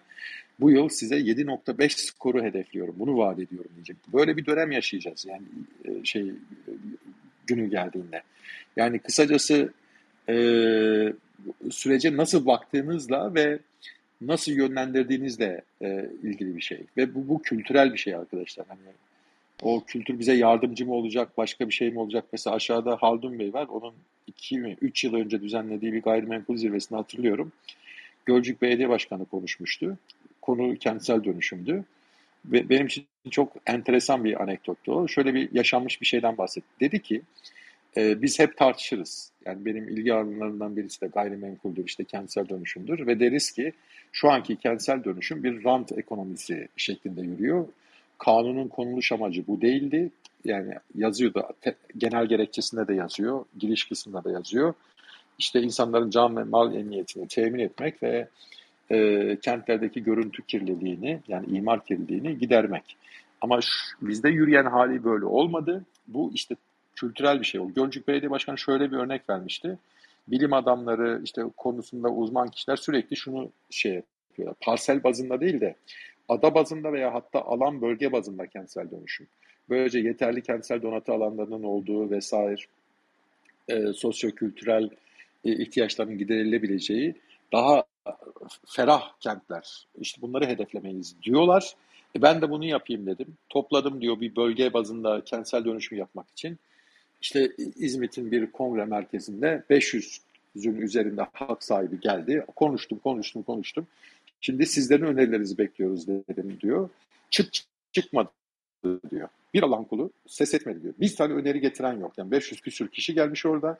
Orada malikler yani o bölgede kat sahibiler, işte daire sahibiler bir kişi şey yapmadı. Hadi bozuntuya vermeyelim dedim. İşte demek ki işte bir kahve molasına ihtiyacımız vardı dedik. Ara verdik. Belki hani ikinci kısımda şey yapar diye. Fuayeye çıktım diyor. O salonda yüzüme bakıp çıt çıkarmayan herkes etrafında halka oluşturdu. Başkanım başkanım işte bizim benim bir tane dairem var kaç daire vereceksiniz falan demeye başladı. Şimdi yani insanların yaklaşımı böyle olduğu için hani akademisyenlerin, uzmanların böyle güzel güzel önerileri var.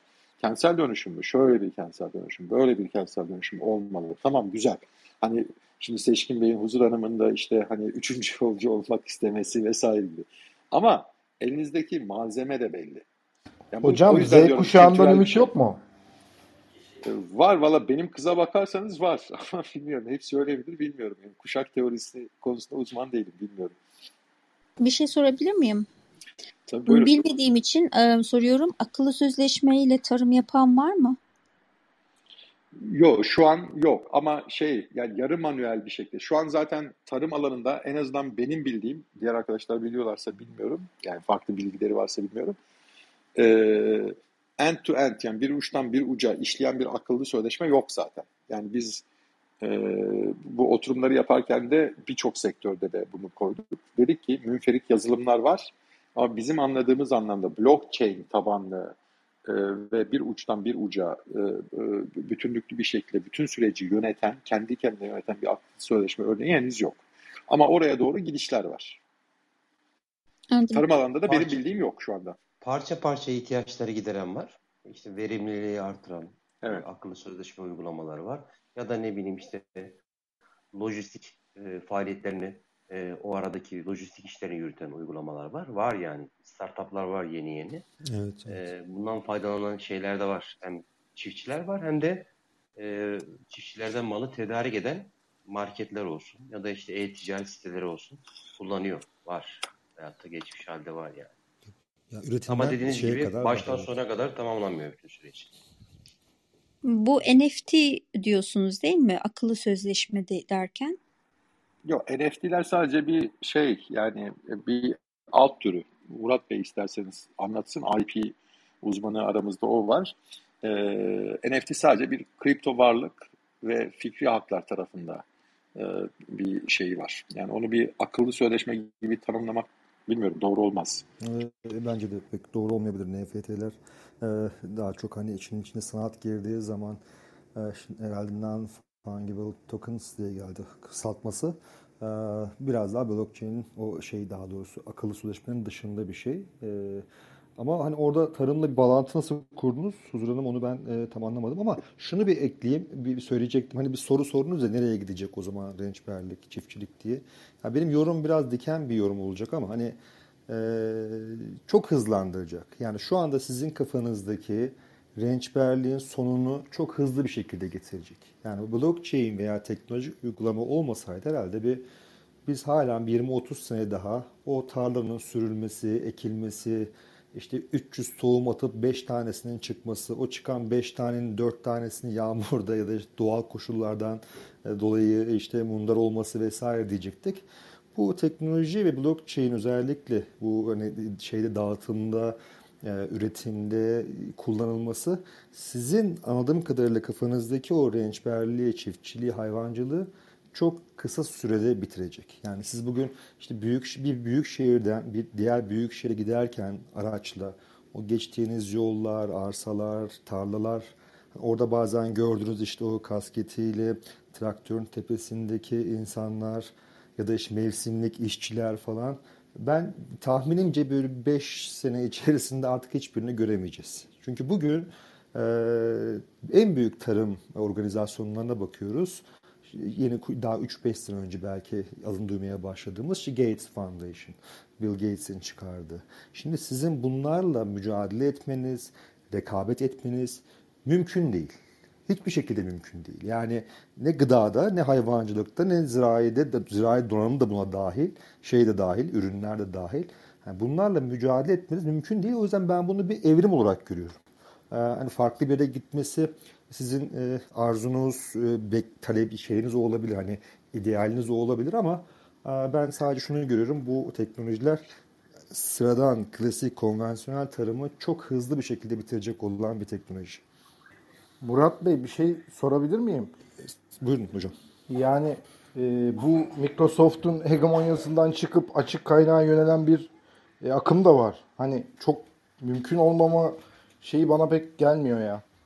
Yani açık kaynakla da o kodu devirdiklerine göre bu adamın bu Gates Vakfı'yla yaptıklarına da bir dur diyecek çıkabilir yani. Yani evet tabii tüketim açısından baktığımız zaman siz orayı tercih edebilirsiniz ama ekonomik olarak e, küresel ekonomi olarak düşündüğümüz zaman e, yani sizin açık kaynak olarak bahsettiğiniz eğer e, ürün sizin alım gücünüz yetmeyecekse onun yerine işte efendim işte bir e, atıyorum şu anda bir işte 300 gramlık T-bone'dan alacağınız 45 gram proteini ben size Gates Foundation'la yapay etle işte 2 dolara vereceksem siz tabii ki o hani diğer taraftan devam edebilirsiniz. Hani e, o proteinin klasik yollarla işte e, klasik kesim yöntemleriyle vesaire almaya devam edebilirsiniz. Belki gitgide fiyatı artacaktır diye düşünüyorum ben hani genel ekonomi olarak konuştum. Hani bir malın değeri bir yerde ucuzlayacak. İhtiyacınız zaten belli. Almanız gereken protein belli. Bunu ben diğer yolda o hani izimler dışı ya da insan odaklı bir şeyden alacağım demek hala da alabiliriz. Yani şu anda mesela illa o tereyağını almak zorunda değiliz. Yani bugün çok güzel ve de bal mesela düşünün. Muğla'ya gittiğiniz zaman çok küçük yerel bal üreticileri var mesela. Oradan da alabilirsiniz. Ama adam da diyor ki ben bunu yani kilosunu işte atıyorum püren balını 500'ün aşağısına veremem ki diyor. Hani bana maliyeti zaten bu diyor. Hani siz oradan alıp devam ettirebilirsiniz o sistemi ama hani püren balının içerisindeki bilmem ne organizmasını da size işte 5 dolara verecek olan birileri var. Hani bundan bahsediyorum. Yoksa ben hani evet devam edecek bence de sizin o almak istediğiniz şeyler devam edecek ama e, kimle ulaşabilecek bu önemli. Çünkü hep şey deniyor böyle yapay et deniyor mesela. Çok pahalı olacak falan. Aslında tam tersi yani ben öyle görüyorum en azından. E, yani bir insanın beklentisi nedir? İnsanı madem ortaya koyuyoruz ama insanın beklentisi hani lezzetli, vitaminli, e, ulaşılabilir bir şey yemekse eğer galiba hani hmm, belki yanılabilirlerdi ama galiba Gates Foundation bunu veriyor. Bu Gates Foundation reklamını yapıyorum gibi belki ben kendim de öyle gördüm şu anda ama hani diğeri de gerçekten de kanlı canlı işte e, efendim işte elektrikli e, şey yapılmış, öldürülmüş, kanı içinde kalmış, sizin o damak tadınıza uygun bir şey. O da işte 35 dolar. Hani tabii ki hani paranız varsa onu yiyebilirsiniz.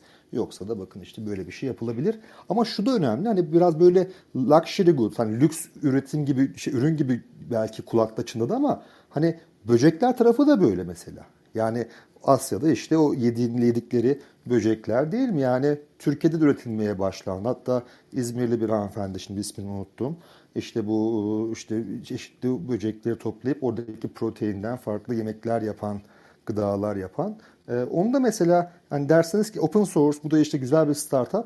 E, onun arkasında da dünyanın en büyük yatırımcısı var yani 3-5 milyon dolar e, para yatırmış sonuçta oraya. Oradaki toplam sistemde ben çok öyle bunun dışına çıkabileceğini, çıkabileceğimizi pek düşünmüyorum diye. Hani yorumum bu şekilde. Çıkmayalım demiyorum ama çıkabileceğimizi pek düşünmüyorum. Evet ama ben e, sizin gibi kötümser bakmıyorum biraz. Yani daha doğrusu kaderimizin biraz bizim elimizde olduğunu e, söylüyorum. E, belli şeyleri e, demokratik hassasiyetlerle yani sivil toplum olarak savunabilirsek e, illa hani bu e, gidişat da kötüye gidecek. Dolayısıyla tekelleşme olacak, şöyle olacak, böyle olacak demek de çok doğru değildi. Mesela bir örnek vereyim size. Telekom sektöründen örnek vereyim. Yani sıradan insanlar ellerinde telefon kullanıyorlar. Ve bu detayları da çok bilmezler. Ama örneğin bir altyapı paylaşım kuralı vardır. Yani bu şu demektir. Hatta bu şu an e, genel olarak işte kablo kanallarının vesaire kullanılması noktasında işte yürürlükte. Bildiğim kadarıyla fiber altyapısında da alt, altyapı paylaşım e, yükümlülüğü var. İlk yatırımı yapan e, şeyin e, telekom şirketinin reddetme şansı yok. Yani mesela Türk Telekom diyelim bir yere fiber döşedi. E, sen işte bu hattı Turkcell veya işte Vodafone kullanamazsın diyemiyor. Öbürü talip olduğu zaman o hattı kendisi de kullanabiliyor. Analog hatların geçtiği alanlarda da bu aynı şekilde. Yani diyelim toprağı kazan, kabloları döşeyen, boruları döşeyen Türk Telekom olmakla birlikte o hattı istediğinde diğer operatörler de kullanabiliyor. Ve bu mevzuatın sağladığı bir hak. Çünkü şöyle bakılıyor olaya. Deniyor ki kardeşim sonuçta ben sana bir imtiyaz veriyorum. Ülkenin belli bir alanda belli işleri yapma şeyi duyuyorum ama serbest rekabet ortamı olabilmesi açısından da senin rakibin de gelip o alanı kullandığı zaman işte belli bir şeyle katkı payı vermek kaydıyla o da kullanabilsin. Oturup atıyorum 3 tane 5 tane operatör var diye memleketi 3 kere 5 kere kazmaya gerek yok. Şimdi bu e, sonuçta kamunun yaptığı bir düzenleme. Şu anda da mesela işte mobil e, şebekelerinde e, bu e, altyapı paylaşım, e, tesis paylaşım e, şeyine e, tabi tutulması tartışmaları da var mesela burada. Yani bu örneği niye verdim? Şunun için verdim. Yani siz kalkıp işte kamu yararını gözeterek belli kısıtlamalar getirebilirsiniz. Yani aynı şey mesela işte Microsoft'a karşı Avrupa Birliği rekabet otoritelerinin zaman zaman siz de duyuyorsunuzdur. Aldığı kararlar var veya Google'a karşı bunlar büyük dünya devleri veya Türkiye'nin işte aldığı kararlar var. Bizim rekabet kurumunun aldığı kararlar var. Yani dolayısıyla bu biraz şeyle ilgili bir olay. Yani toplumsal hassasiyet geliştirebilirseniz hani dönüp dönüp aynı şeyi söylüyorum belki ama biraz kültürel bir şey bu. Yani Gölcük Belediye Başkanlığı'nın aktardığı anekdot da biraz öyle.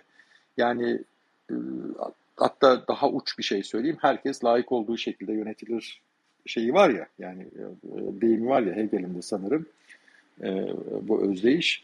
Yani biraz öyle. Biz istedikten sonra yani bunu kalkıp bir sivil toplum şeklinde örgütlenebiliyorsak söyleyecektim. Bakın mesela şurada bile yaptığımız biraz o. Hani işte akşamın bir saati vakit ayırıyoruz. İşte geleceğimizde çocuklarımızın geleceğiyle falan işte ilgili bir şey diyoruz. Oturalım biraz kafa yoralım, zaman ayıralım diyoruz. Bu da bir tercih. Yani bu da bir sivil toplum uygulaması. 3-5 insan bir araya gelmişiz, bir şeyleri konuşuyoruz. Akıl erdirmeye çalışıyoruz falan. Yani bu hassasiyetler ağırlık kazanır, üstün gelirse bence bu gelişmeler iyiye evrilir.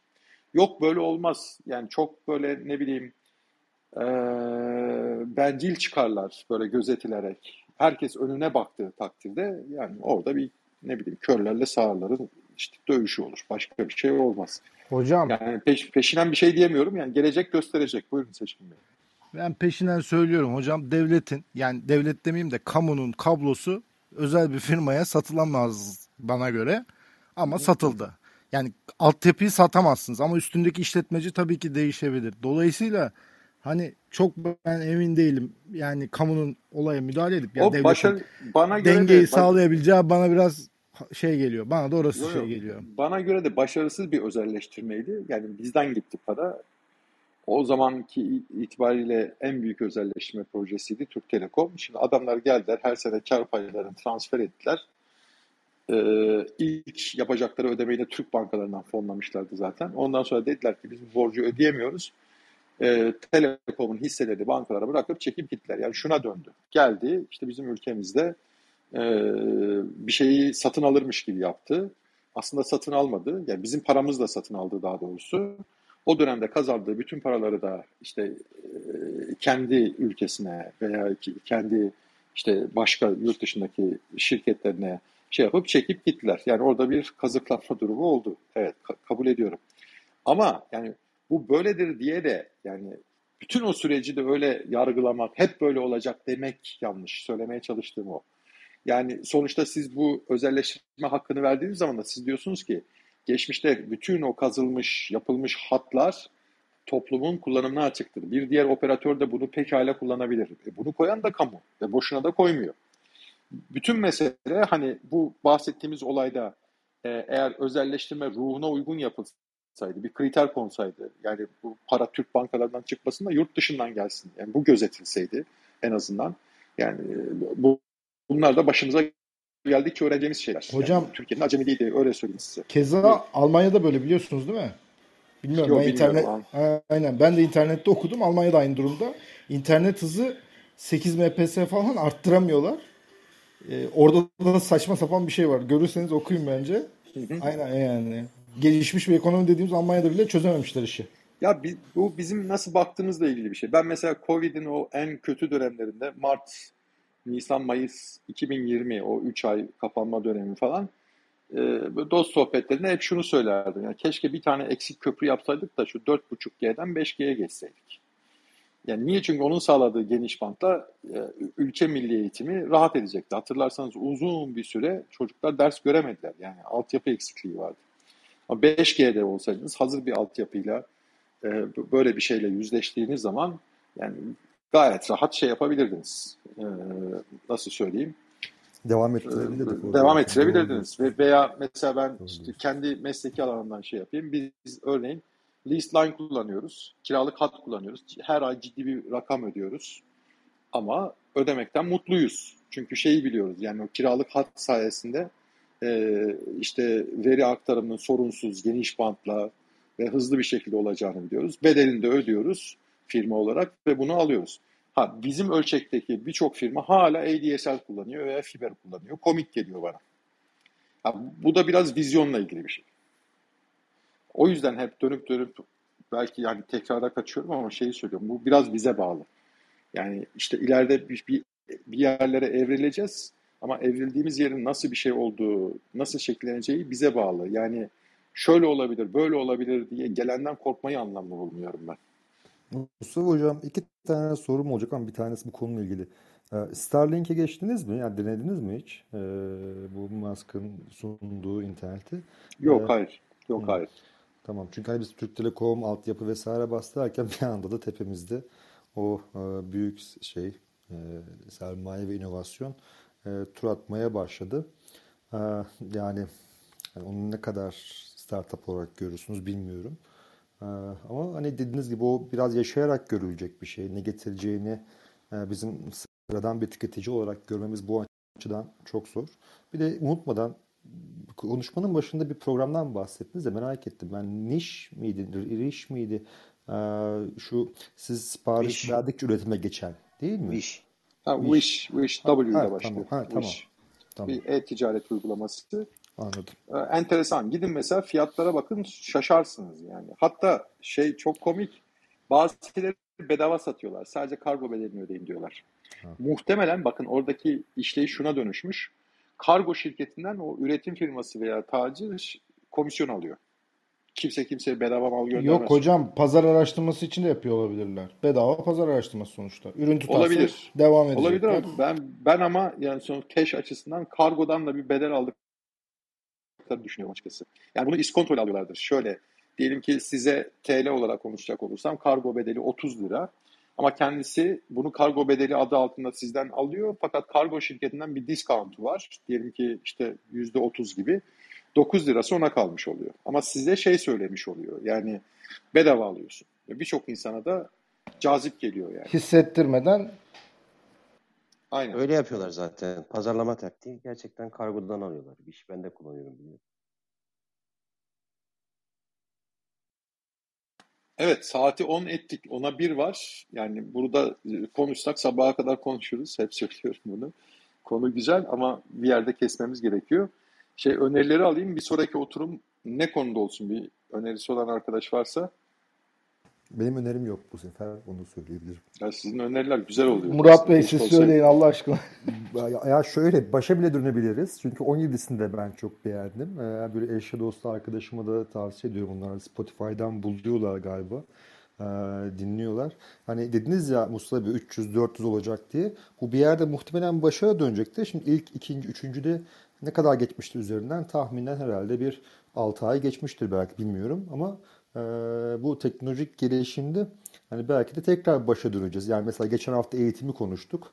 Ama konuşurken hibrit eğitim vardı. Yani hala sizin galiba e, kızınızda değil mi? Hani hibrit eğitim bazı Hı şeylerde. hı. Evet. Şimdi herhalde bir 6 ay sonra belki e, o hibritin şey tarafına doğru, online eğitime doğru daha fazla artacak. Belki yeni teknolojiler çıkacak.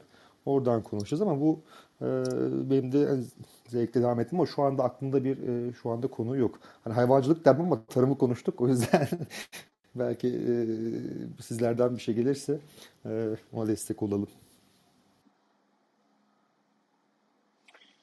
Valla benim önerim bilmiyorum size nasıl gelir ama bankacılık sektörünü konuşalım. Bankacılığa çünkü habire böyle yandan yandan da dokunduk. Sigortacılığı, kitle fonlamasını, şurayı burayı falan konuşurken ama bankacılığın kendisini konuşmadık. Eğer sizin için de uygunsa öyle not alalım ve bankacılığı konuşalım. Fintech değil değil mi? Yani şey e, Yok. bildiğimiz klasik anda bankacılığın Evet evet bankacılık Hı. sektörü. Hı. Yani geçmişte O zaman hocam konuştuk. paraya da gireceğiz. Girelim. Yani ha- şey var, mahsurum var. Ya iyi bir fikir gibi gelmiyorsa böyle daha böyle iştah Yok yok konu bence çok güzel varsa de e, şey çok uzun olabilir o toplantı gibi geldi bana. hmm. E o zaman şey getirin, öneri getirin. Adem Bey. Yok yok ben kabul ediyorum. Şey olsaydı bu, bugün Feza Bey yok. Lojistik, Feza lojistiği konuşmuş muyduk? yok hayır konuşmamıştık. Belki olabilir. Evet o daha ilginç olabilir çünkü yani blockchain tabanlı ve sensör teknolojisi aslında en e, güzel farkını orada şey yapıyor. Ee, nasıl söyleyeyim? Ee, farkını orada gösteriyor. Ahmet Bey buyurun. Ya, merhaba ben konu öneri, önermek için çıktım da yukarı. Ve mutlu oluruz. Ee, kişisel veri konuşulabilir. Son zamanlarda popüler olduğu için İşte 14. oturumumuz oydu. tabii geçti diyorsunuz. Evet. Yapay Ama zeka şey konuşulabilir. e, onu da 5. oturumda konuşmuştuk. E, siz isterseniz o kişisel verilerle ilgili yani ilgi duyduğunuz bir alansa da podcast olarak dinleyebilirsiniz. Spotify'da var Yaşayan Hukuk Derneği'nin kanalında. Tamamdır. E, Ben takibe bilgi aldım. vermiş olayım. Evet. Lojistik ve ulaşım bence güzel olabilir. Evet yani orada hem e, ürün hem insan belki şey olabilir. Devreye girebilir belki. Tamam, lojistik diyelim. Arzan Hanım not alıyordur. E, bir sonraki toplantı. Hı hı. Hocam bankacılığı atlamayız değil mi? Yok yok geliriz geliriz. Tamam. Siz şimdi şey deyince ben korktum. Hani çok uzun olabilir falan deyince eyvah dedim. Hocam paranın bank yaratılması falan filan mevzuları var ya o yüzden dedim. anladım. Şey, e, İkiye böleriz. Bankacılık bir, bankacılık iki. Yaparız. olur. Biz haftaya lojistik konuşalım. Hem şimdi Murat Bey de der ne kadar oldu diye böyle haftada bir konu gitmenin de Murat Bey şöyle bir faydası oluyor. Dörde bölüyorsunuz. Kaç ay olduğunu buluyorsunuz hemen. Evet, Yani dört ş- ay geçmiş. evet. Evet. Evet. Peki tamam ben e, yine keyifli güzel bir sohbet oldu. Ben çok teşekkür ediyorum katılımcılara, dinleyen arkadaşlara da öyle. E, haftaya lojistik sektöründe akıllı sözleşmelerin lojistik sektöründeki uygulamaları üzerine konuşmak üzere herkese iyi akşamlar diliyorum. İyi akşamlar herkese.